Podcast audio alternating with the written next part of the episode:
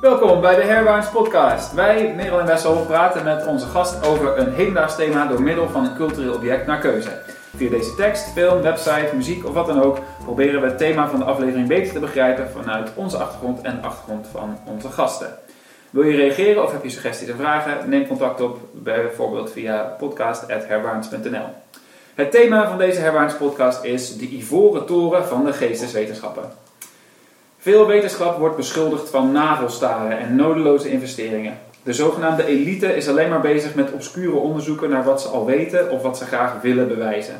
De geesteswetenschappen in het bijzonder wordt vaak verweten dat ze opereren vanuit een ivoren toren, ver verwijderd van de werkelijkheid van de samenleving. Het is ideologisch of het is te wazig. Waarom zou men geld besteden aan onderzoek naar literatuur uit de Balkan of feministische emancipatiepraktijken in de Victoriaanse roman? Het is ook het strijdveld van de cultuuroorlogen en de social justice warriors, die belachelijke eisen stellen en helemaal losstaan van de realiteit. Ze hebben een betekenisloos jargon ontwikkeld dat alles alleen maar problematiseert. Will Davis zegt dat er een, een internationale beweging gaande is die zegt dat de geesteswetenschappen uh, zoveel dingen problematisch maken en als we daarmee zouden stoppen, dat er eigenlijk een stuk minder problemen zouden zijn. Dus, hoe dichten we de kloof tussen wetenschap en samenleving? En zitten de geesteswetenschappen inderdaad in een ivoren toren? De gast vandaag is Andries. Hij heeft literatuurwetenschappen gestudeerd. Hij is nu docent participatieve gezondheidszorg bij de opleiding tot verpleegkundige bij de Haagse Hogeschool. En hij doet ondertussen ook nog promotieonderzoek bij de Universiteit Leiden. En daarin doet hij onderzoek naar de representatie van affectieve en esthetische reacties op functie, functie, functie wat? Beperkingen. Functiebeperkingen in literatuur en film. Welkom, Andries. Dankjewel. En Merel is natuurlijk ook. Ja. Ja, uh, en we gaan vandaag beginnen bij Andries. Zitten de geesteswetenschappen inderdaad in een ivoren toren? Ja, nou ja, uh, het, we hadden het net al eventjes over de ivoren toren voordat de aflevering begon. En het was natuurlijk dat, dat de geesteswetenschappen hebben een hele lange tijd in een soort uh, crisis verkeerd. Tenminste, dat, dat werd gezegd. En voor deze podcast ben ik even gewoon gaan kijken van waar bestaat de crisis nou eigenlijk uit. En ik denk dat die crisis uit twee delen bestaat, namelijk een inhoudelijke crisis, van waar, uh, wat, doen de, wat doen de eigenlijk en wat leveren ze op. En uh, ja, eigenlijk dan kwam bij, doordat de vraag wat ze moeten opleveren, komen eigenlijk gelijk bij wat is de meerwaarde van die geestwetenschappen ook in financiële zin. En die twee dingen hebben denk ik heel sterk verband uh, met elkaar. En voor mijn object heb ik vandaag dit boek meegenomen, A New History of the Humanities van Rens Bot. Uh, Rens Bot is hoogleraar in Amsterdam en hij heeft een geschiedenis geschreven over de geestwetenschappen. En die geschiedenis dat is eigenlijk een van de weinige geschiedenissen van de geestwetenschappen. Er zijn heel veel geschiedenissen van wetenschap in het algemeen en van de natuurwetenschappen, maar nog wat minder van de geestwetenschappen. En in dat boek probeert Bot uh, eigenlijk op zoek te gaan naar patronen binnen die geestwetenschappen. En wat ik heel erg interessant vind aan het boek is dat het, doordat het een historische studie is, zowel dus onderzoek doet naar de geestwetenschap als een geestwetenschappelijk object is. En het interessante is dat Bot eigenlijk uh, ja, ondervindt dat er zijn zeker patronen te herkennen, maar er zijn ook tradities zoals uh, poststructuralisme en postmodernisme die volgens hem patronen eigenlijk ja, uit de weg gaan. En dat vind ik interessant, want je leert juist binnen de geestwetenschappen dat er meerdere geschiedenissen zijn, dat dingen meerdere, meerdere verhalen bestaan. Dus ook deze geschiedenis zou je kunnen zetten tegenover andere geschiedenissen. En dat uh, toont voor mij eigenlijk wel een beetje impliciete meerwaarde aan van de geesteswetenschap. Want de geesteswetenschap bestaat juist heel erg uit dialogen. Dus je kunt ook met elkaar in gesprek gaan van oké, dit is één geschiedenis, maar welke geschiedenis kunnen we daar tegenover zetten? En doordat we dat gesprek met elkaar kunnen aangaan, begrijpen we dus ook onze eigen geschiedenis beter, waar we vandaan komen, ook waar we naartoe willen en waarom dan. En ik denk dat dat uh, de een van de meerwaarden is die de geestwetenschappen biedt. Maar, zoals, net al, zoals ik net al zei, van dat is eigenlijk heel moeilijk om dat in geld uit te drukken. Of daar een soort tool voor te ontwikkelen of iets, of iets waar je heel makkelijk iets aan hebt. En uh, wat ik interessant vind daar bij de geestwetenschappen is juist dat de geestwetenschappen doen dus heel erg onderzoek naar waarden, naar onderliggende waarden, ook in de maatschappij. Uh, maar dat die, de kennis die daar geproduceerd wordt niet direct toepasbaar is. En je kunt daar dus vanuit de geestwetenschap ook kritisch op zijn. Ja, waarom moet kennis bijvoorbeeld direct toepasbaar zijn? Uh, maar tegelijkertijd zit je dus in een systeem waarin kennis direct toepasbaar moet zijn om geld te krijgen. Dus wordt die hele kritische, ja, die kritische faculteit van de geestwetenschap wordt eigenlijk een beetje ondermijnd. Doordat er al één dominante waarde is. Dat is namelijk eigenlijk het nutsdenken van... Oké, dingen moeten direct een waarde hebben, moeten direct toepasbaar zijn. En dat is denk ik een beetje wat, wat die crisis van de geesteswetenschappen ook in stand houdt. Ehm, wat het ook heel ingewikkeld maakt, want ja, hoe kom je eruit als je wel een kritisch geluid tegenover kunt of wilt zetten, maar wat niet gefinancierd wordt, waardoor je dus moeilijke onderzoek kunt doen. Ja. Uh, ja, en daardoor ook eigenlijk uh, ja, vaak een beetje weg wordt gezet, denk ik ook. Zeg maar ook financieel gezien binnen, tegenover andere uh, faculteiten binnen, binnen de universiteit. Ja, ja dus, dus eigenlijk zeg jij dat het een beetje een vicieuze cirkel is. Ja, dat denk ik wel. En ik denk ook dat er op dit moment heel veel projecten gaande zijn binnen de geesteswetenschap om juist die maatschappelijke relevantie uh, te bieden. We hadden het net ook even voor de podcast over critical race studies, noemen we even kort. Je hebt bijvoorbeeld feminisme, ik zit zelf in disability studies, allemaal hele maatschappelijk geëngageerde uh, velden. Maar Wessel, jij noemde net al hè, van ja, oké, is het niet zo dat de geesteswetenschappers zeg maar, die problemen zelf aandragen, zodat ze iets hebben om te bestuderen. En ik denk dat dat eigenlijk een beetje. Um, ik snap de kritiek wel, maar ik denk dat het ook te kort door de bocht is. Want het komt ook vanuit een maatschappelijke ervaring, gedeelde ervaring. Dat niet alleen maar door geesteswetenschappers wordt ervaren, maar ook gewoon door mensen die juist gewoon andere, andere banen hebben, maar misschien wel bepaalde problemen ervaren in hun werk of in hun dagelijks leven. Waardoor het wel echt issues zijn van de maatschappij. Ja, dat citaat dat ik net gaf van, of die parafrase van Will Davis, dat wordt dus ook in een eh, BBC-podcast uh, analysis aangehaald. En hij zegt dat is bijna een soort aanval op de geesteswetenschappen. Van, als jullie nou stoppen met overal problemen van maken, dan hebben we niet zulke problemen. Maar dat is overduidelijk natuurlijk niet het geval. Racisme is niet ineens minder als je de hele tijd zegt dat er racisme is. Het, het is juist meer. Het is alleen niet in het publieke oog of zo. En dat is natuurlijk vaak ook, uh, wat jij zegt, dat kritieke geluid. Je schopt mensen automatisch tegen de schenen aan als je op zoek gaat naar waar zitten de problemen en wat zijn de verschillen in waarde die mensen hebben. Ja. En je wilt daar in de geesteswetenschappen op een een prettige en neutrale manier ook, ook over kunnen hebben. Um, en, en, dat is juist moeilijk dus als je daar niet genoeg middelen voor hebt. En als mensen worden uitgelachen als ze zeggen het is een microagressie of, uh, of zulke soort nieuwe termen, zeg maar. Dus ik vind het interessant dat je beschrijft dat de noodzaak om uh, er een open gesprek over te kunnen hebben juist moet worden gevoerd binnen de geesteswetenschappen, maar dat dat een soort los wordt gezet we hadden het over die Ivoren Toren, dat, dat, dat lijkt een soort elite te zijn. Maar het wordt tegelijkertijd ook neergekeken of zo. Van ze zijn daar in die toren, in een soort klein kamertje, zijn ze aan het discussiëren over wat verder niemand aangaat of zo. Ja. En ik vroeg me ook nog af, ja, ik had ook wat blogs jou gelezen, zal ik ook even in de uh, link zetten. Uh, waarin eentje zei, vergeleek jij het met, uh, uh, want er was een pleidooi van een aantal decanen in Ja. het NRC Handelsblad. En je vergeleek dat met een soort telcelroep van je wist niet dat je dit nodig had. Ja, klopt. Ja. Ehm, eh, omdat je zegt dat veel mensen hun, eh, zeg maar, gewoon nadenken over boeken of zo. Mhm. Ja, dat kan iedereen toch wel. Dat doet iedereen toch al. Ja. Ja, Ehm. ik, ik had eh, ooit een keer een gesprek met een vriend van mij. eh, en ik had hem een paper laten lezen van mij over Pan's Labyrinth. En toen zei hij, ja, maar ik kan toch gewoon die film kijken. Eh, maar ik hoef er niet over na te denken. En, en toen dacht ik, ik weet niet eens hoe ik hierop moet reageren. Mm. Eh, ehm, wat, ik, wat ik in jouw stukje, wat je net zei, jij hebt het over dat we dat geesteswetenschappen een dialoog moeten aangaan. En ik denk dat het probleem is dat heel veel mensen zoeken naar juist naar zekerheid. Of ze willen dat de wetenschap laat zien van zo, zo zitten dingen in elkaar.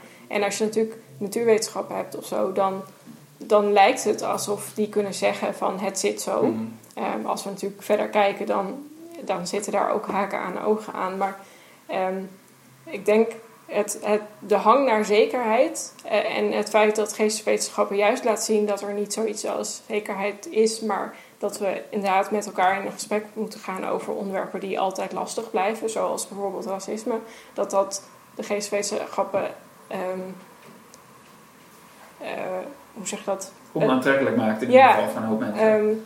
Dus, eh, wij laten zien dat dingen grijs zijn. en Terwijl mensen graag willen dat dingen zwart en wi- wit zijn. En het is juist belangrijk om erop te wijzen dat, dat het niet zwart en wit Mhm. is, maar grijs. Het is misschien een verkeerde analogie nou, nu ik het net over eh racisme heb gehad. Maar eh, het feit dat wij laten zien dat de wereld complex is, is denk ik iets wat ons inderdaad onaantrekkelijk maakt. Omdat Mhm. mensen juist eh, de, de, de helderheid willen van categorieën. En eh, het, is, eh, het is X en niet Y of zo. Ja. Dat heeft misschien ook te maken met die kritiek die je soms hoort dat het zo wazig is. En dat er allemaal van die termen aan vastzitten die, die niemand begrijpt. Ehm, wat ik altijd een interessant verwijt vind, want dat heeft elke wetenschap natuurlijk als probleem dat ze een bepaald jargon hebben. Daar zal ik straks nog wel even over hebben met mijn object. Maar wat je ook zei is dat, dat er een soort idee is van iedereen zou het wel kunnen als jullie niet van die moeilijke woorden gebruiken. Eh, ik, Ja, je, zo van, je hoeft toch niet gestudeerd te hebben om het over eh, eh, ra- racisme te hebben. Ja, Wat precies. natuurlijk, iedereen moet het op dit moment over racisme hebben. Maar ik Ja. denk dat het juist goed is om nu een geesteswetenschapper erbij te hebben die ervoor gestudeerd heeft en kan laten zien hoe complex Hmm. zo'n zo'n probleem is. Ja, ik moet allemaal denken aan allemaal anekdotes ook. Jij haalde er ook eentje aan. Ik heb een keer eh, eh, een vriendin van mij die had ook Engels gestudeerd net als ik. En die was een beetje boos, want die stond onderaan in een lijst met studies bij de, een onderzoekje aan de Universiteit van Utrecht. eh, met hoe moeilijk die was. En zij was er echt kwaad over. En zij zei zo van, ik vraag me echt af of als je, als je een, een sterrenkundige of zo vraagt, schrijven ze een essay of dat lukt. Want het is natuurlijk een heel andere vaardigheid. Het zijn gewoon verschillende vaardigheden, zeg maar. Ja. En zij was er echt een beetje kwaad over. En ik had laatst ook nog van iemand gehoord die zei: als, als mensen een discussie hebben over eh, medicijnen of over de geneeskunde, dan, dan iedereen die geneeskunde studeert is dan automatisch een soort expert. Die weet dat en wij weten dat Hmm. allemaal niet precies, want die weten natuurlijk in Latijn alle lichaamsdelen en zo.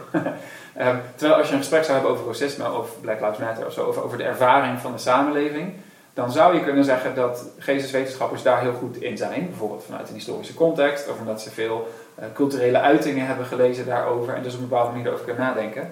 Maar die autoriteit wordt vaak niet erkend of zo. Want het, het- ja, iedereen kan een boek lezen en dan kan je er wel heel wollig over gaan lopen schrijven, maar dat maakt je niet een expert of zo.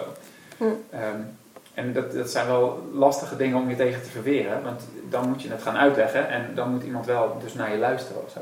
Ja. Ja, nou, zullen we dan door, door mijn object of wil je nog iets zeggen over jouw object, Andries? Nou, misschien meer naar aanleiding van, van wat, wat jij daarnet vertelde, dat mensen graag eh, behoefte hebben aan de waarheid. Hm. En dat, dat, dat ze dat daar ook juist naar wetenschap toe keren om, om die waarheid te, te leveren. Wat ik interessant vind is dat uh, geesteswetenschap is natuurlijk heel divers. Bijvoorbeeld in uh, taalkunde, linguïstiek, heb je wel dat mensen bijvoorbeeld proberen een grammatica te construeren. Dat is eigenlijk een heel compleet ding. Dat is eigenlijk, denk ik, dat past ook heel erg bij het positivistische beeld van, geest, of van, ja, van wetenschap als iets wat bijna meetbaar is, als wat compleet. Ja. Um, Wordt ook wel de, de meest wiskundige studie van geesteswetenschappen genoemd. Ja, ja, en ik denk dat um, op het moment dat je met in, bijvoorbeeld met literatuurwetenschap zit, waarin heel veel onderdelen eigenlijk komen op een manier hoe je iets leest. Dus dat heeft heel veel te maken met wat voor benadering kies je, wat voor argumenten draag je, draag je daarbij aan. Waardoor mensen denk ik heel snel te neigen om dat te realiseren tot een mening. Bijvoorbeeld, hè, van oké, okay, je leest iets, maar dan vertel je iets over het boek. Oké, okay, maar dat is dan jouw mening. En zo simpel werkt het natuurlijk niet. Dus op het moment dat jij een boek leest en je gaat er iets over schrijven, dan is het niet zo dat je een smaakoordeel velt bijvoorbeeld over het boek wat jij hebt meegenomen. Maar dat je eigenlijk laat zien hoe dat boek op een bepaalde manier een bepaald issue, een kwestie adresseert en waarom dat dan weer van belang is. En dan telt het wel of je argumenten valide zijn, collectief goed, of dat het niet goed in elkaar steekt. Dus ik denk dat dat ook heel erg belangrijk is, van dat er, uh, dat er wetenschapsidealen zijn, of wetenschapsbeelden, maar dat, dat, dat die op zichzelf ook weer cultureel materiaal zijn om te kunnen bestuderen. Ja. Dus, en ik denk dat, dat mensen dat uh, ook best wel ingewikkeld vinden. Dat je denkt van ja, eigenlijk is wetenschap ook dus cultuur, ja dat is het dus. Uh, maar dat dat bijvoorbeeld niet zozeer gedragen wordt nog bijvoorbeeld door mensen op straat. Dat zeg ik denk ik heel goed nu met de coronacrisis. Hè? Van, er zagen heel veel virologen en we zagen allemaal medische experts. Uh, dat was de wetenschap. En toen op een gegeven moment, toen het aantal zieke mensen afnam, en toen kwamen ook sociologen, economen, allerlei andere mensen uit andere disciplines, die mochten ook wat gaan zeggen. Maar er zit dus wel impliciet een hiërarchie in van hoe wetenschap wordt gewaardeerd. En dat is op zichzelf wel iets wat bijvoorbeeld geesteswetenschap juist heel goed kunnen bestuderen. Dus die zegt van oké, okay, wat hebben we nu een geschiedenis zijn we aan het maken over de coronacrisis. En als we nou over een jaar of twee jaar gaan terugkijken, hoe worden eigenlijk de waardes verdeeld over de wetenschap binnen die coronacrisis? Hm. En daar kun je weer nieuwe kennis uit produceren. Ja, en ik denk dat het ook wel goed is om te beseffen. En ik, ik heb dit, deze, dit gesprek wel eens geprobeerd te voeren met mensen, maar uh, de beta-wetenschappen die bestaan ook bij gratie van paradigma's. En, Ja. en die worden ook door wetenschappers die een bepaalde uh, kijk en dus subjectieve kijk hebben op dingen uh, beoefend. Dus zelfs beta-wetenschappen heeft een bepaalde, zeg maar, kan nooit geheel tot de waarheid komen, maar heeft altijd een, een soort van subjectieve laag. En ik Ja. denk dat veel mensen, um, wat ik nu heb gezegd, enorm uh, onwaar vinden. Ja. Uh, uh, en daardoor lijkt het alsof beta-wetenschappen, eh, en dat kon je nu heel goed zien met, eh, met de coronacrisis, dat Ja. je probeert iets wat heel nieuw is eh, te begrijpen. En er was dus ook heel duidelijk van, nou, we weten het misschien niet helemaal, maar dat is eigenlijk iets wat niet kan. Dus je kan niet zeggen als wetenschapper, ik weet het niet helemaal. Ja. Terwijl er altijd een, een, een percentage is van ik weet het niet helemaal, zelfs Ja. in de beta-wetenschappen. Eh, en dat wordt denk ik vaak over het hoofd gezien, waardoor Ja. het nog sterker een verschil lijkt tussen beta- en geesteswetenschap. Misschien is het heel, heel goed om heel eventjes, want ik wil heel eventjes op ingaan. Mhm. Van, inderdaad, wat je zegt, ben ik helemaal mee eens. Alleen, ik denk ook, van waar worden die mensen, je zegt terecht, denk ik, mensen worden daar boos van. Ja. Het heeft te maken met een soort ideaal als meten is weten, weet je, dat soort aforismen wat mensen wel, eens gebruiken. Maar eh, misschien is het heel goed om even uit te leggen van, oké, waarom, waarom is het nou zo? Waarom heeft natuurwetenschap, wat heeft het te maken met een subjectieve blik bijvoorbeeld? Het heeft te maken met het feit dat al het menselijk denken heeft te maken met concepten. Dus bijvoorbeeld eh, Kant, die zei van, ja, als ik hier een glas water zie, wat weet ik dan eigenlijk over dat, over dat glas water? Kan ik dat glas water, begrijp ik dat zonder mijn eigen subjectieve blik? Of begrijp ik dat alleen maar via mijn subjectieve blik? En als we dat probleem centraal stellen, dan betekent dus dat alles wat we bestuderen, moeten ons afvragen van kan ik het ding, hè, wat hij noemde het ding aan zich, dus kan ik het ding, de tafel, het glas begrijpen zonder dat ik erbij ben? Of heeft het feit dat ik erbij ben en naar dat ding kijk en bestudeer, heeft dat effect op wat ik zie? Nou, dat is dan een dusdanig eh filosofisch probleem dat het Mhm. ook doorwerkt in de natuurwetenschappen, Ja. ook in biologie. Dus ik denk dat het heel goed is om dat altijd mee te nemen. Want ik, ik, snap, ik kan best begrijpen dat mensen daar boos door worden. Ja, Maar dat denk ik uiteindelijk heel belangrijk is dat altijd beseffen dat of het nou nat- natuurwetenschappelijk of, so- of sociaal-wetenschappelijk onderzoek betreft, mensen werken altijd met concepten en ideeën. Dus ook in al, die andere wetenschappen werken mensen nog steeds met bepaalde ideeën of concepten over wat het ding is wat ze aan het bestuderen zijn.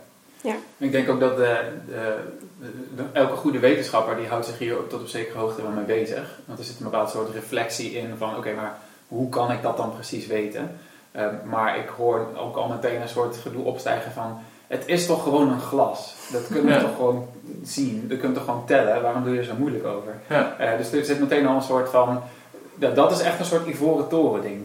ja. Ik hoef niet af te vragen of het glas er is als ik er niet ben, want het staat nog steeds in de kast. Nee, ik- ik ben het met je eens. Ik denk wel van. Ik denk ook trouwens dat dat op een bepaalde manier heel erg terecht is. Hè? Van op het moment dat jij bijvoorbeeld een, eh, een gebouw moet gaan bouwen. Ja, waarom moeten we dan denken van waarom moeten we dan gelijk een filosofisch probleem erbij halen? Dan denk ik van dat hoeft ook niet. Ik denk wel dat we moeten erkennen dat dat filosofisch probleem wel bestaat. Want op het moment dat, dat ik aan, aan de bouwkundige vraag van ja, als je het glas ziet en het ontwerp. Heeft er wel, kan je iets vertellen over het, over het glas aan zich of hoe jij dat glas... Ja, dat, dat, dat probleem kun je niet ontkennen, zeg maar. Nee. Dus dat is denk ik wel een ding, van dat die filosofische problemen, die komen ook ergens vandaan. Dus die worden ook door andere mensen gesteld. Ja. Dus tenzij je een heel goed antwoord erop hebt, wat zeg maar al die jaren na kant ook nog niet is gegeven, dan, dan het bestaat het probleem nog steeds. Dus ik denk inderdaad zeker dat we niet bij alles filosofie moeten introduceren als van ja, maar we kunnen een filosofisch probleem hierbij aandragen. Maar tegelijkertijd wel zien en blijven zien dat ze verweven zijn. En ik denk ook, om even terug te komen op die ivoren toren, dat dat daar wel mee te maken heeft. Want eh, zeg maar, historisch gezien, de geesteswetenschappen en natuurwetenschappen, die waren eigenlijk heel nauw met elkaar verweven. En op een gegeven moment zijn dat specialismen geworden, zijn ze veel meer uit elkaar gaan groeien. En nu zie je ook weer dat er veel, heel veel, wat ze dan noemen, interdisciplinair onderzoek gebeurt. Hè? Dus tussen verschillende disciplines, eh, of met verschillende disciplines samen. Dat is denk ik heel waardevol. Maar eh, ja, je krijgt dan eigenlijk ook een soort splitsing. Dan moet je doorgaan naar het specialisme, waardoor je specialistische kennis ont, eh, ont- ontwikkelt. Of moet je juist samen gaan werken tussen bijvoorbeeld natuurwetenschappen en geesteswetenschappen om gezamenlijke kennis te ontwerpen. Ja. En ik denk dat beide mogelijk zijn, en ook beide waardevol, om die geesteswetenschappen ook hopelijk weer voor een breder publiek aantrekkelijk te, te gaan maken. Het is jammer dat het bijna een, een, een keuze moet zijn, maar dat Ja. moet je toch alle twee gewoon doen. In plaats van dat het een soort concurrentie is, waar gaat het, het, het geld dan naartoe? Ja. Oké, zullen we door naar mijn eh, object? Ja, ja Ehm, volgens mij heb je er heel veel zin in. Ja, ik heb er wel zin in. Ja. Eh, ik heb een beetje over nagedacht hoe ik mijn object moet introduceren. Maar eh, ik ga in ieder geval een stukje audio hierin plakken zometeen. En voor de mensen die het op YouTube kijken, een stukje video ook. Uiteraard is er een link. Eh, ik wil het hebben over een sketch van Jiske Vet genaamd English Sports. Eh, dus hierbij een fragment. Two, one, Trafford, one, two, here to Gobster. But it's a stroke. Yes, and a trefoiled for him. Red ball, red ball, two complete, one for red. Bucking off to the leftovers. Changing.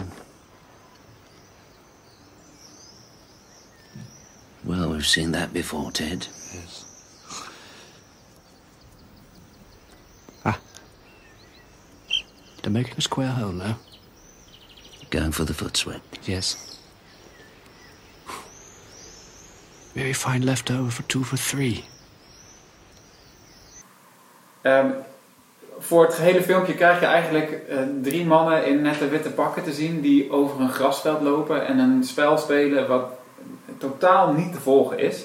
Eh, er wordt allemaal taal gebruikt. Er wordt ook een beetje gemompeld door de, de zogenaamde Britse commentatoren. Ehm, in eerste instantie moet ik hier heel erg om lachen. Ehm, maar ik denk dat het twee processen laat zien die eh, heel erg eh, passen bij dat Ivoren Toren eh, discussiepunt. Namelijk de afbraak van een bepaalde autoriteit en waarde toekennen aan de hand van geld. Dus als ik naar dit filmpje kijk, dan zit ik eerst te denken, wat gebeurt hier? Dus je probeert het soort van uit te vogelen wat er is. En uiteindelijk lijkt er niks echt te be- gebeuren. Dus dan moet ik erom lachen. Het is gewoon absurdistisch en belachelijk daarmee.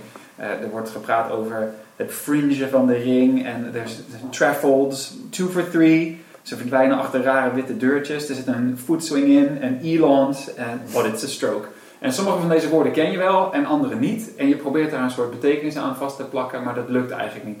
Ehm, en dus blijft er eigenlijk weinig anders over dan gewoon ze uit te lachen. En dat is natuurlijk in het geval van Instagram ook de bedoeling. Eh, maar ze laten volgens mij heel goed zien wat er gebeurt als je jargon hebt, wat niet iedereen begrijpt. En dat is volgens mij precies wat mensen dus ook zien als ze naar de wetenschap kijken. Dit. Ze kijken naar zo'n filmpje en ze denken, wat, waarom doen die mensen zo, zo moeilijk over dit? Wat gebeurt hier? En eh, ja, ze, ze, zien er natuurlijk ook een beetje als snobs uit. Het is echt typische Britse elite, dus dat zit er ook nog mooi in dat gevoel. Ze zijn er dan misschien heel goed in, maar niemand vindt het belangrijk. Eh, zoals je mooi kunt zeggen, nobody cares. Dat is natuurlijk een, een stevaste meme. Ehm, en ik denk dat dat ermee te maken heeft dat, je, heeft dat je dus er niet in vertrouwt dat ze echt iets aan het doen zijn wat belangrijk is. Of wat echt iets is. Het wordt nu in het geval grappig, omdat ze met die kleurtjes bezig zijn en je denkt, het zal allemaal wel. Uh, en ik denk dat het ook heel vaak gebeurt uh, in het echte leven. Als je uh, bijvoorbeeld, ik heb natuurlijk als docent daar vaak mee te maken, dat leerlingen denken, ja, het zal allemaal wel. Jij komt dan met, allemaal met woorden en dingen die ik dan moet weten, maar wat is hier echt het praktisch nut van? maar het gebeurt ook met dat mensen hun arts bevragen van, oké, jij schrijft me dit wel voor, maar dat komt natuurlijk omdat jij een lobby hebt voor dit soort, of het is, misschien heb je anti-vaxxers of zo. Dus je vertrouwt er niet op dat er een reden voor is dat mensen dit zouden doen. En bij politie is dat natuurlijk ook zo. Um, en bij wetenschap ook. En dat komt voor een deel natuurlijk omdat er allemaal bewijs is van corruptie en een bepaald uh, autoriteitsmisbruik. Van geloof mij nou maar en dan dat doen. Maar daar is dus een soort tegenbeweging op, denk ik al zolang als er autoriteiten zijn. Maar nu zit daar een soort mediaspectakel aan vast. Dus het is veel interessanter om een verhaal te hebben over de professor die al zijn artikelen gewoon bedenkt. Dan om met z'n allen serieus te kijken naar wat wel goede wetenschap is en daar heel erg je, je, moeite in te steken. En daarom krijg je dus ook van die sceptici die gewoon zeggen: ja, maar hij zegt dat maar gewoon, want hij is een professor of zo. En daar zit dat element van de elite ook in. Um, en het tweede punt wat ik dus wilde zeggen over de waarde toekennen aan de hand van geld heb je eigenlijk ook al verkend, Andries. Um, uh, Marta Nussbaum heeft een boek geschreven, Niet voor de winst, waarin ze nou, de geesteswetenschappen verdedigt als ja, het, gaat niet om de winst. Maar dat maakt het dus ook heel moeilijk om te zien waarom je het dan zou doen. Als je het niet kan, aan, kan, uh, kan meten. Er zijn geen concrete resultaten. Ik vind daar een mooie opmerking daarover. Omdat we niet kunnen meten wat we belangrijk vinden, vinden we belangrijk wat we kunnen meten. Dat zei een, een schoolleider van mij altijd. Zo van ja, nou ja, dan gaan we maar CITO-toetsen doen of zo. Want die kun je in ieder geval absoluut naast elkaar leggen en zien dat iemand een betere score heeft gehad. Uh, zoals PISA-scores ook voor taal en rekenen. Dat zijn natuurlijk niet geesteswetenschappelijke activiteiten. Dat is gewoon ken je de woorden, kan je de som uitrekenen, zeg maar. Um, en in dit spel kan je heel duidelijk zien dat er, zeg maar, er, er gebeurt niks concreets. Met voetbal is dat makkelijker, er gaat een bal in een doel of zo en dan kun je zeggen, oh, maar goed, iets als buitenspel, dat wordt meteen nog wel ingewikkelder. Dat kan je ook wel weer een soort jargon noemen.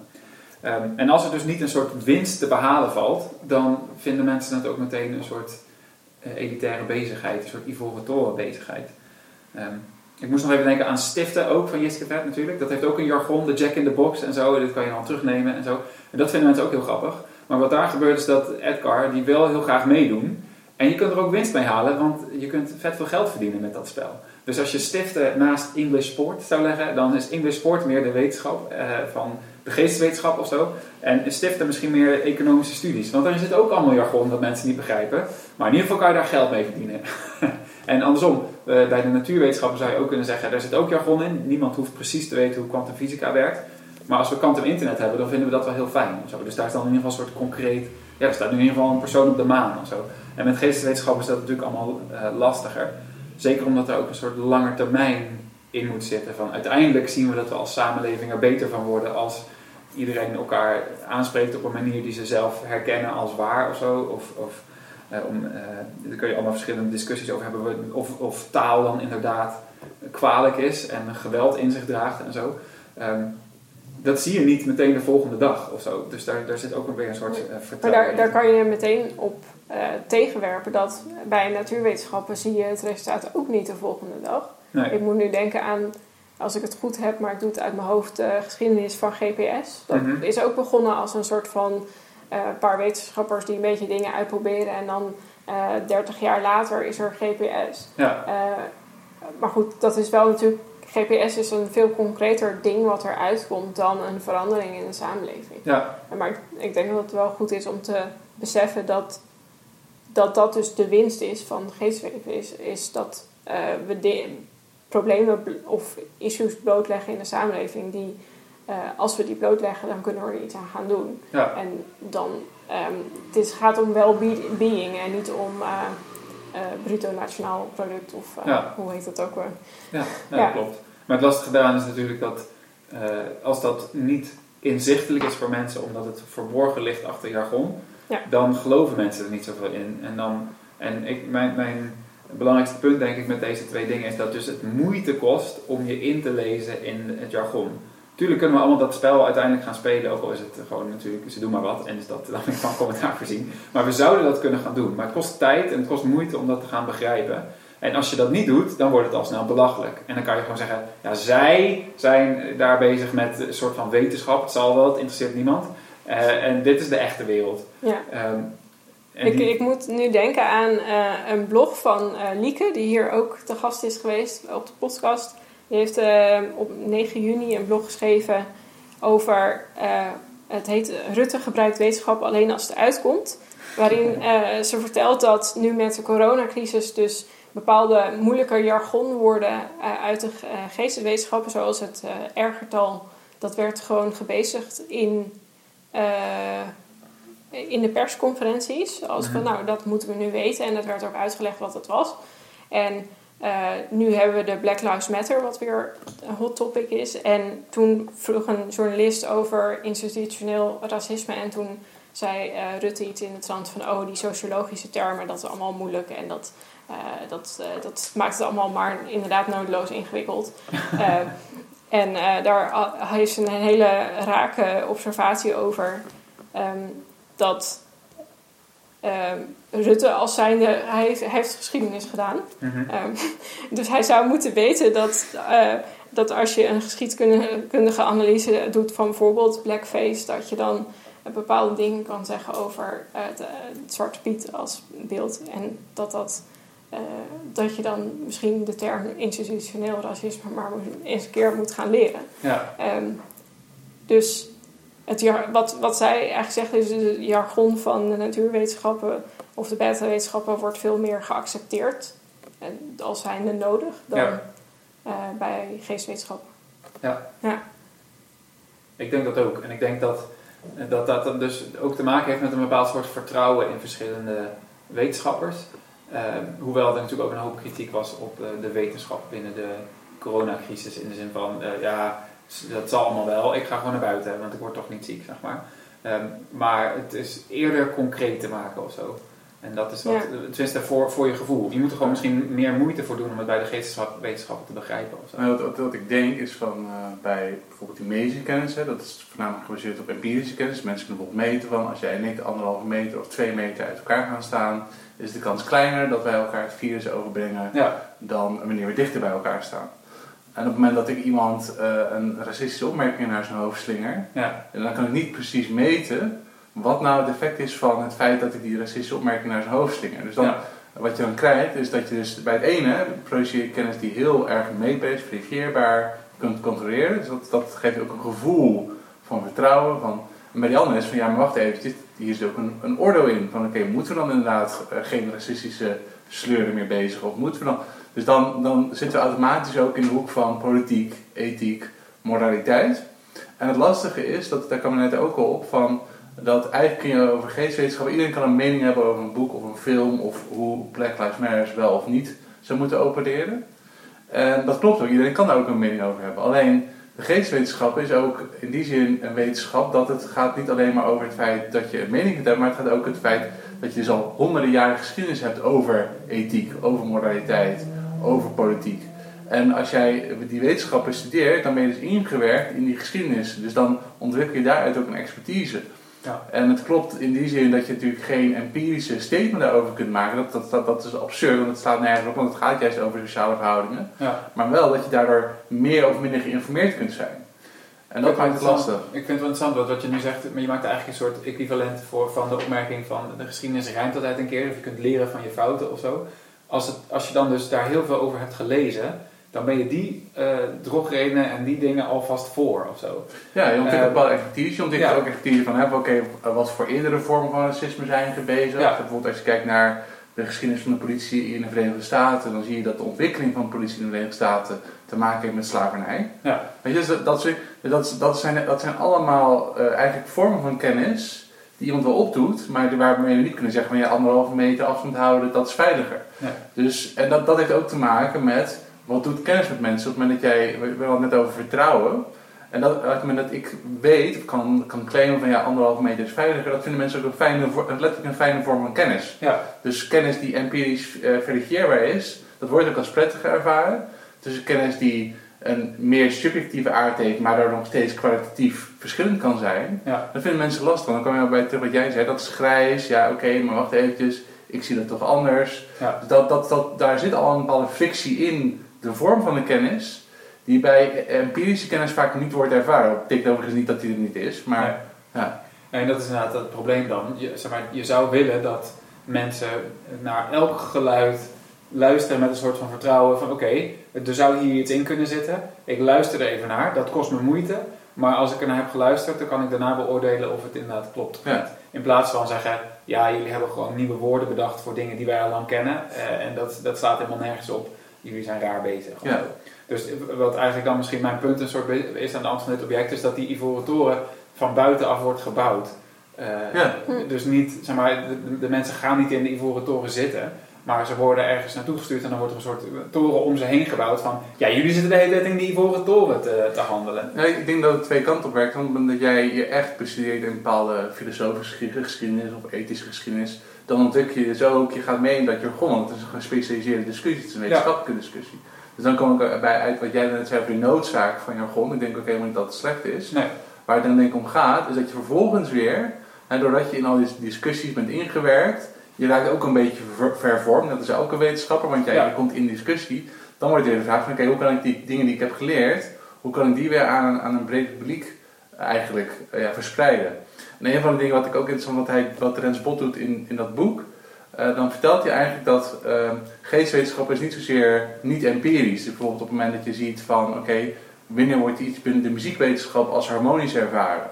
Of als dissonant? Ja. Nou, er zijn bepaalde theorieën ontwikkeld, die ontwikkelen zich ook door de tijd. Maar dat heeft natuurlijk direct te maken met hoe mensen geluid waarnemen bijvoorbeeld. Ja. Dus het is ook niet zo dat geestwetenschap bijvoorbeeld alleen maar interpretatief zijn en niet empirisch. Zo werkt het ook weer niet.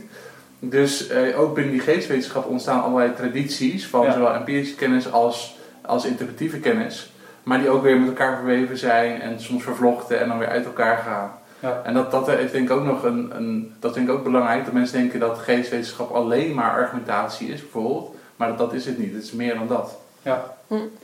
Als we eh, naar jouw object gaan, Merel, volgens Ja. mij gaat dat hele verhaal over je wordt vervormd door wat je Ja. leert, maar je Ja. moet het daarna weer terugkoppelen precies over wat jij wilt Ja, dat, dat is, eh, precies, eh, zijn precies de twee sporen die ik wilde onderzoeken aan de hand van eh, Stoner van John Williams. Ehm, Stoner gaat over een boerenzoon die naar de universiteit wordt gestuurd om meer te weten te komen over landbouw, zodat hij het boerenbedrijf van zijn ouders eh, beter kan eh, vormgeven. Maar dan komt hij in aanraking ehm, met eh, Engels en daar wordt hij verliefd op. En wat je ziet in de eerste helft van het boek is dat naarmate zijn verliefdheid groeit, ehm, hij meer en meer vervreemd wordt van in eerste instantie zijn ouders. En die zeggen op een gegeven moment, want hij zegt dan van nou, ik ga nu eh, Engels studeren en geen landbouw meer. En hij zegt nou ja, als jij dan nou per se met je hoofd in de boeken moet zitten, ehm, dan, dan moet je dat maar doen. Eh, maar ehm, ja, ze snappen dat eh, niet zo goed. En ehm, op een gegeven moment gaat hij ook een PhD doen en lesgeven. En dan merkt hij met het lesgeven dat hij de, de verliefdheid die hij heeft voor Engels, kan hij niet overbrengen op zijn studenten. Hij merkt dat die connectie er niet is. Ehm, en ehm, wat ik heel grappig vind, ik wil dat even een stukje, denk ik, misschien voorlezen, is. eh, op een gegeven moment zit hij met twee van zijn vrienden, die ook allebei do- docent zijn Engels. eh, hebben ze het over, een beetje schertsend, over. Eh, hebben jullie ooit stilgestaan bij de ware aard van de universiteit? En dan hebben ze natuurlijk alle drie hun kijk op wat de universiteit nou precies is. Ehm, maar degene die deze vraag ook stelt, eh, die zegt op een gegeven moment van... ehm, het is voor ons dat de universiteit bestaat. Voor de verdrevenen der aarde. Niet voor de studenten. Niet om de onbaatzuchtige jacht op kennis. Niet voor een van de redenen die je hoort. Wij maken de redenen bekend. En we laten enkele van de gewo gewone binnen. Degene die het in de buitenwereld zouden redden. Maar dat is alleen voor de schone schijn. Ehm, en wat hij eigenlijk zegt is... ehm, waar heb ik dat nou? Is dat het een soort van... Oh hier. Het is een gesticht. Of eh, hoe heet zoiets tegenwoordig? Een rusthuis. Voor geest- geestelijk zwakken, de bejaarden, de ontevredenen en de anderszins incompetenten. Ehm, dat is natuurlijk een behoorlijk heftige kijk op de universiteit. En het is een scherts, dus hij doet het... Het is een, een beetje een grapje. Ehm, maar... ehm, ik, ja, ik heb eigenlijk gemerkt sinds dat ik ook zelf een proefschrift doe aan de universiteit, dat ik die, die kloof merk die hij ook heeft. Dus hoe, naarmate je zelf eh, meer passie krijgt voor, in mijn geval, literatuurwetenschap, is het, merk ik dat ik het steeds moeilijker vind om eh, het belang wat ik denk dat er is, want ik denk dat er groot maatschappelijke belang is voor literatuurwetenschap. Ik vind het heel moeilijk om dat over te brengen aan andere mensen. En ehm, dan, dan krijg je ook een beetje het idee van. ehm, we, we, we doen hier dat onderzoek omdat wij hier dat onderzoek doen, zeg maar. Een beetje een cirkeltje.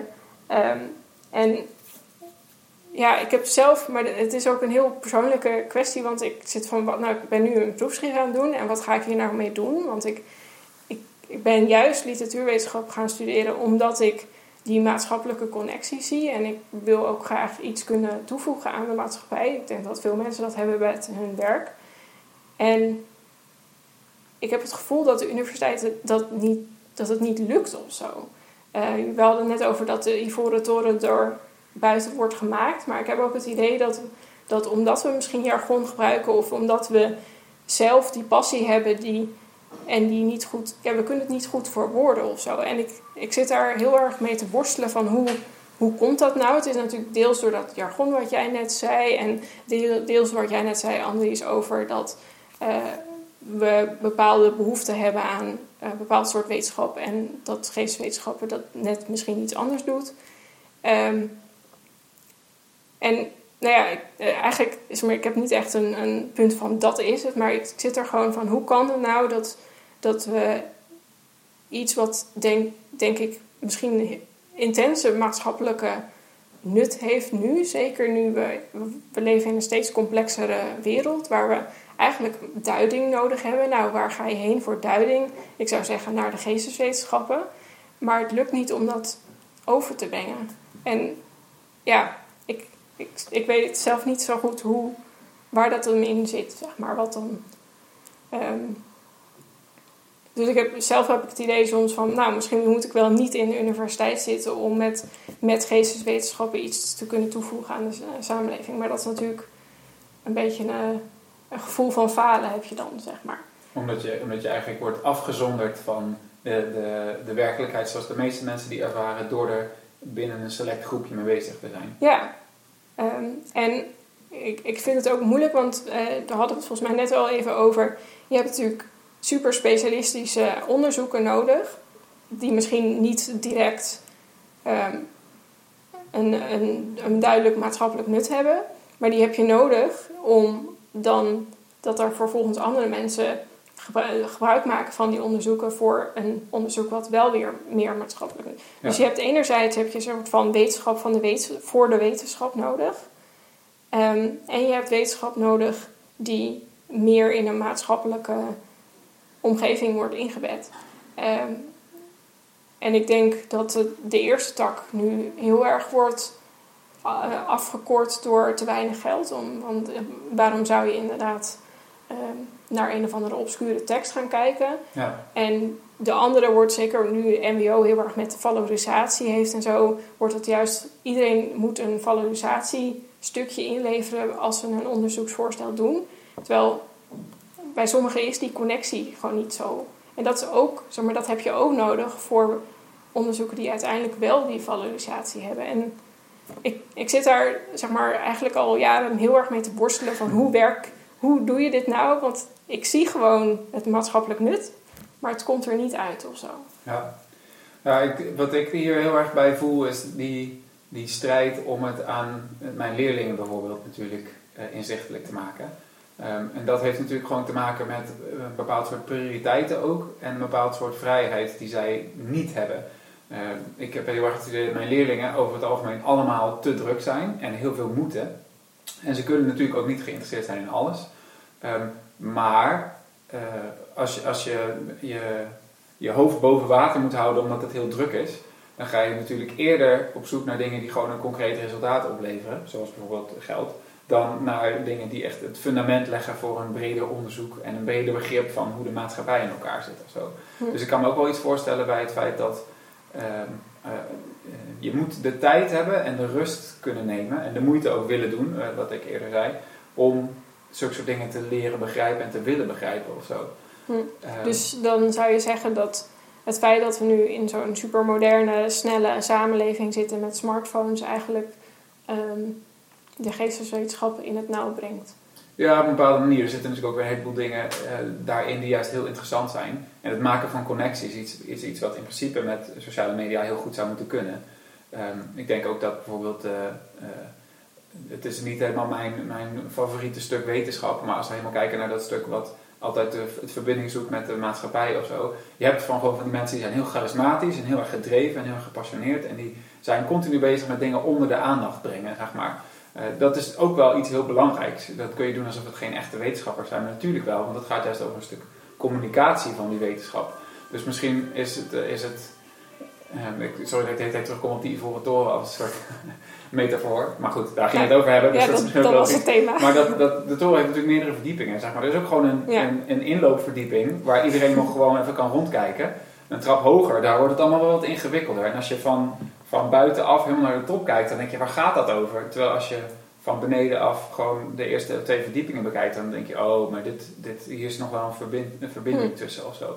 En dan, dan, zodra je dus tegen iemand zegt, als een soort kritiek, ga ik denk ik vanaf nu zeggen, je, je zit vanuit een ivoren toren te kijken, dan, dan zou ik me afvragen, oké, maar wat, wat doe jij dan om in ieder geval eens op de eerste of de tweede verdieping te kijken van die toren of zo? Hm.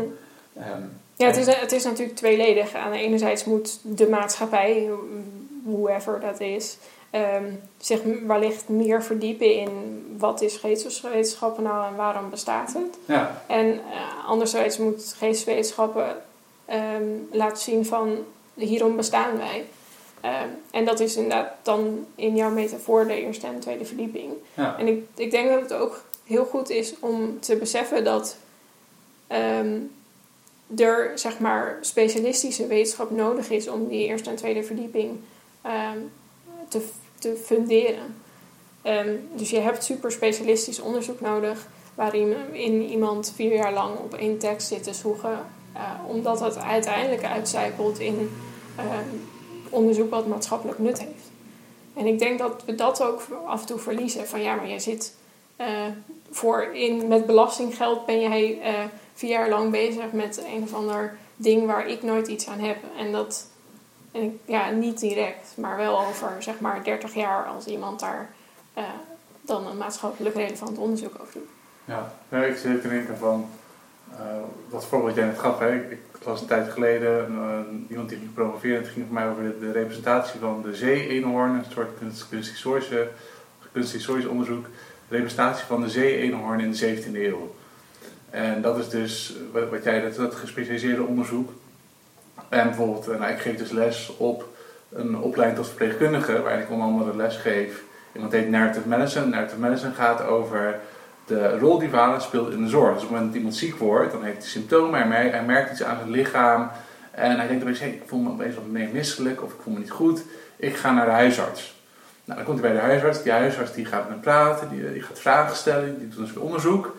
En uiteindelijk komt daar een diagnose uit. En we hebben dus eigenlijk ook een verhaalstructuur. Dus we, we hebben een begin, er, gebeurt, er is een gebeurtenis, namelijk iemand merkt iets aan zijn lichaam.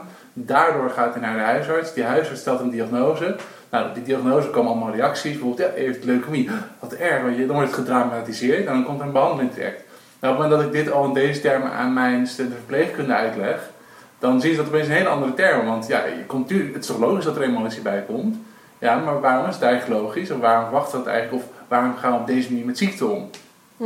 Dus dan breng je al eigenlijk heel erg snel al die geestwetenschappelijke kennis in een soort praktijk. Maar daartussen hebben we dus dat spectrum van die zee-eenhoorn, dat onderzoek, en, die, en, die, en, en bijvoorbeeld dit narrative medicine. En ehm, ik denk dat de, eh, er, is, komt, er is ook gewoon onderzoek wat, wat niet een directe meerwaarde heeft. Bijvoorbeeld dat onderzoek van die zee-eenhoorn, misschien dat het ook over 30 jaar nog steeds ergens in een la ligt. Dan denk ik, ja, dat, dat was toch zonde. Maar ik denk dat we juist daar ook eh, tegen moeten zijn. Zodat dat, dat ook onderzoek misschien, misschien voor een heel klein groepje, misschien voor vijf of zes mensen interessant is, dat ook dat verdedigd moet worden. Dus Ja. dat niet alleen maar mee hoeft te gaan van oké, onderzoek heeft alleen maar waarde als het enigszins instrumenteel is. Ja. Want ook gewoon onderzoek wat interessant is voor een klein groepje, kan uiteindelijk bijvoorbeeld weer meerwaarde hebben voor de ontwikkeling van narratieve kennis of andere vormen Ja, van precies. Ja. kennis. Dus dat kan heel moeilijk doorcijpelen, onmeetbaar, ongrijpbaar. En ik denk dat dat ook juist iets is wat wetenschap moet, moet eh, willen, ja, willen blijven bevechten. Dat ook gewoon kennis voor kennis sake, zeg maar. Gewoon dat je het wil doen omdat je nieuwe kennis wil produceren, dat ook dat meerwaarde heeft. En dat je eigenlijk nooit helemaal altijd van tevoren kan. Dat soms wel, maar soms ook niet.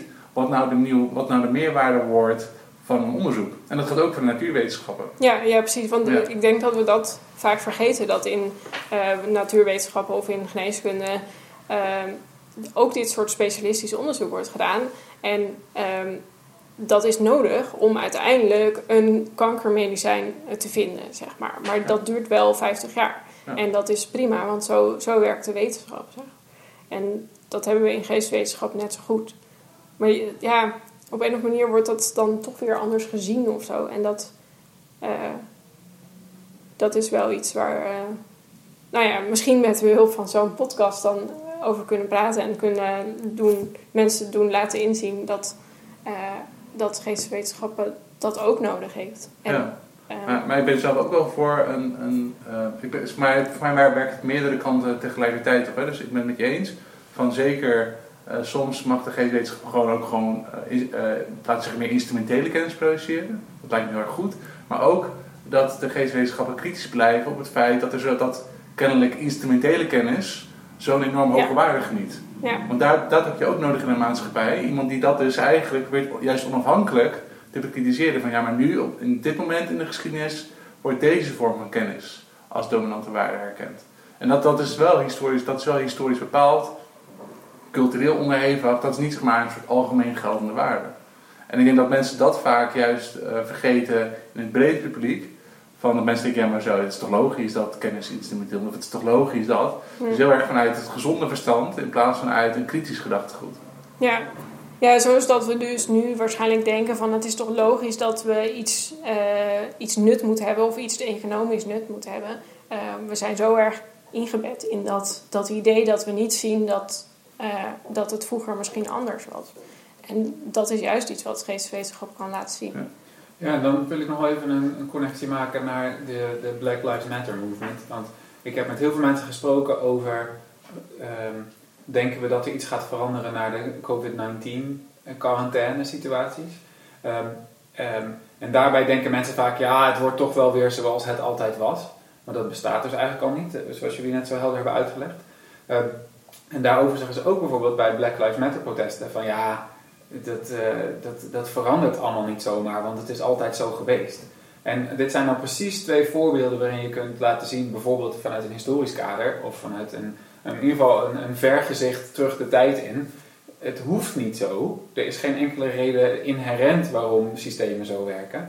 En dan kan je een sociologische analyse maken of een, een rechtsfilosofische analyse maken. En al die geesteswetenschappelijke analyses kunnen dan bijdragen aan een manier laten zien waarop het ook anders kan, zeg maar.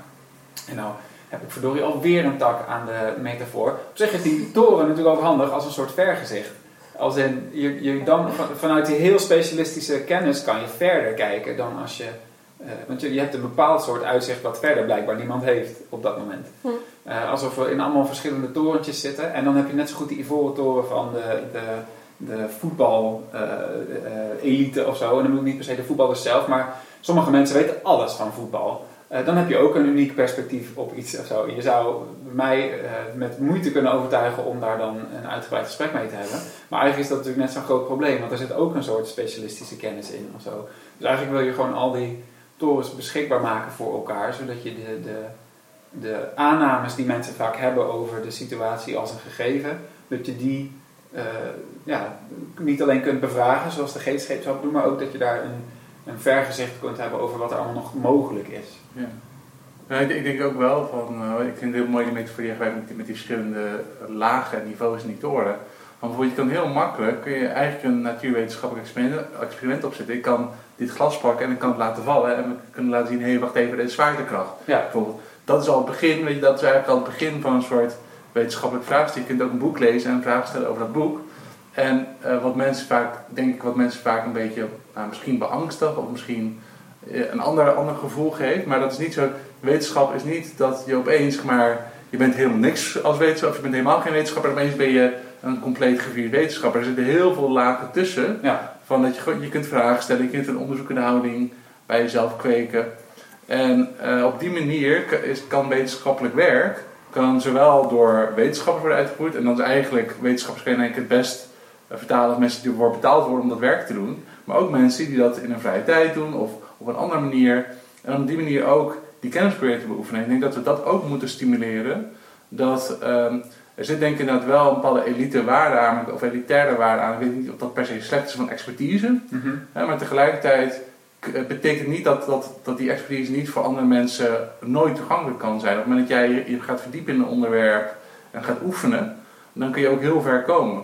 Dus ik denk dat, dat we dat ook als geestwetenschap soms wat meer moeten doen. Van oké, okay, waarom doen we dit? Wat levert het ons op? Wat kan dit jou opleveren? Ja. En ik denk dat je dan ook wel heel ver komt. Maar dus, dus je kunt ook gewoon de weg naar de toren misschien wat, wat meer, ja, wat meer, hoe zeg je dat, met, een mooi, ja, met een mooi grindpad of zo. Ja. ja. ja. Zoals bijvoorbeeld door een podcast te maken. Zouden wij zeggen dat onze luisteraars, als ze tot nu toe alle leveringen, afleveringen hebben geluisterd, ook wel op, uh, op een verdieping van de geesteswetenschap toren zitten? Merel? Ja, misschien hebben ze de deur wel geopend. Ja, ja. ik denk het wel. Ik denk dat er wel, dat ze, jullie zijn binnen. Welkom. ja, maar, dat, dat, zeg maar uh, het feit dat ik deze podcast doe, of samen met jou natuurlijk, is, is een van de dingen die ik graag wilde doen als literatuurwetenschapper. Om te laten zien dat geesteswetenschappen ertoe doen. Uh, omdat ik dus merk dat die connectie er niet automatisch is. Ja. Um, dus uh, dit is, dit, de podcast is... voor mij heel erg ingegeven door het idee dat er een ivoren toren bestaat van geesteswetenschap. Ja, en ja. dat dit een soort handreiking is van uh, ja. kijk eens wat er hier allemaal te vinden is. Ja, en kijk eens hoe tof het is. En um, hoeveel je kan leren van de samenleving door je een beetje te verdiepen in, uh, ja. in de materie. Ja. Oké, nou, geachte luisteraar, u hoort het. Dit, dit is de reden waarom we deze podcast maken. Um, wij hadden bedacht dat het misschien wel leuk was om onze luisteraars ook te vragen welke objecten zij zouden hebben uitgekozen om over dit onderwerp te praten, over de Ivoren Toren van geesteswetenschap. Ehm, eh, de reacties kunnen uiteraard worden gestuurd naar podcast.herwaard.nl, maar je kan het ook in de reacties achterlaten van het medium dat je hebt gekozen om naar ons te luisteren. Eh, wij zijn heel benieuwd, want Ja. dan kunnen we dit ook echt een, eh, een, een dialoog maken. Zoals de geesteswezen voorstaat, eh, voorstaat zoals eh, Andries heeft gezegd. Precies. Nou, eh, Andries, hartelijk dank voor je eh, bijdrage. Eh, de volgende keer gaan we praten over de female gaze. Yes.